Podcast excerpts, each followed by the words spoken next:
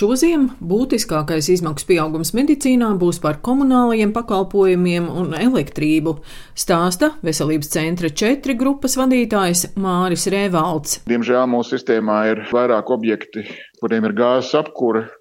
Mēs jau iepriekšējā ziemā jau sajūtām milzīgus apkuras izmaksu sadārdzinājumus, kas uh, pilnībā atņēma vairākām struktūra vienībām rentabilitāti. Un, jo energoietilpīgākas ir tehnoloģijas, jo tas mums dārgāk izmaksā. Tā kā mēs redzam, ka tās vietas, kur darbojas magnētiskās rezonanses iekārtas, kā datortomogrāfi vai rentgeni, kas patērē daudz elektroenerģijas, tad, tad tur šīs izmaksas, kad viena magnētiskās rezonanses iekārta, kas sanāk, mēs varējām tik līdz 2000 mēnesī cauri, elektrība tagad maksā 5, 6, 7 tūkstoši atkarībā no tā, kāda cena ir konkrētajā vietā. Un uh, tie ļoti jūtami sadārdzinājumi, kas nevar neatstāt iespēju uz pakalpojumu cenām. Gada griezumā inflācija pārsniedz 20%. Pieaug pilnīgi viss, tie nav tikai uh, rēķini par komunālajiem pakalpojumiem. Dārgāk paliek medikamenti, paliek dārgāk medicīnas materiāli, dārgāks paliek medicīnas tehnoloģijas, pat sakari, kas līdz šim turējās normālā cena līmenī, ir sākuši pieaugt. Tad viss transports, degviela, līdz ar to spiediens uz pakalpojumu cenām būs, un visdrīzāk viņš būs tajā rāmī, kas uh, ir līdzvērtīgs gada inflācijai. Tātad līdz 20% apmēram. Medicīnā ļoti aktuāls ir arī algu jautājums. Nākamgad algas varētu palielināties par apmēram 9%, stāsta medicīnas centra ārs valdes priekšsēdētājs Māris Andersons. Valsts sistēmā par mūsu pašu nomaksātiem nodokļiem dažos gadījumos diezgan nesakarīgi un diezgan bezatbildīgi ir ap apsolīts iemaksas Covid laikā, kurš daudzos gadījumos jau vairs jau atcelt nevar. Mums ir būtisks spiediens no personāla puses algu paaugstināšanas virzienā. Mēs esam paaugstinājuši cenas, bet diferencēta cena pieaugums 10 līdz 12%, bet daudzās pozīcijās mēs vispār neesam aiztikuši. Privāto medicīnas pakalpojumu sniedzēju tirgu tā konkurence ir ļoti augsta, jā. līdz ar to tas ietekmē cenas, kas atkal savukārt jāsaka, nu, patērētāji interesēs.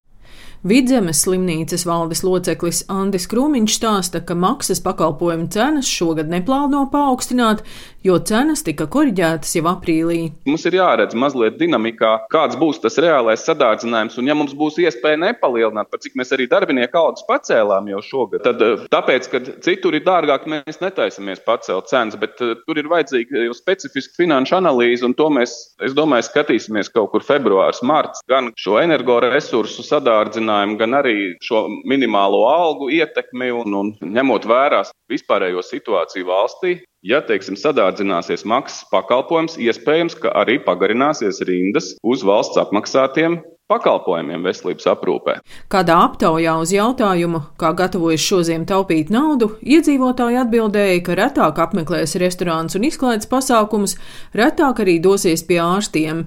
VC4 grupas vadītājs Māris Revalds gan norāda, ka situāciju atvieglos veselības apdrošināšanas polises, kuru vērtība pārsniedz jau 100 miljonus eiro gadā. Visām krīzēm jau veselības aprūpe ir gājusi mazliet vieglāk cauri nekā citas nozares. Jūs jau zināt, cik smagi cieši tādas nozares kas saistītas ar lietām, kuras tiešām var atlikt. Tad sabiedriskā ēdināšana cieši sevišķi restorāni, piemēram, dārgu apģērbu mazumtirdzniecība un tam līdzīgi. Ja? Mazāk cieši pārtiks tirdzniecība, mazāk cieši tādas lietas, ko nevar atlikt. Arī veselības aprūpe cieši vienmēr mazāk. Cieši veselības aprūpes varbūt ir tas ekskluzīvais gals. Mūsu gadījumā noteikti cietīs arī estētiskā medicīna. Tur mēs redzam parasti kaut kādu kritumu vai arī ieradumu maiņu. Teiksim, skaistumkopšanas gadījumā mēs redzam, ka klienti bieži sāk izmantot, um, piedodiet, visādus kaktu iestādes, kurās parasti nemaksā nodokļus, un līdz ar to ir lētākas cenas.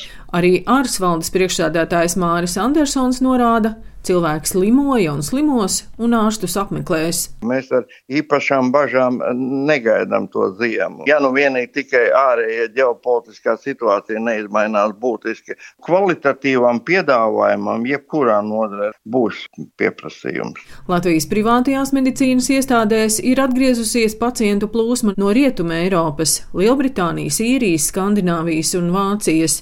Viņus maksas pakalpojumu cenas nebiedē, bet iepriecina. Daina Zalamane, Latvijas radio.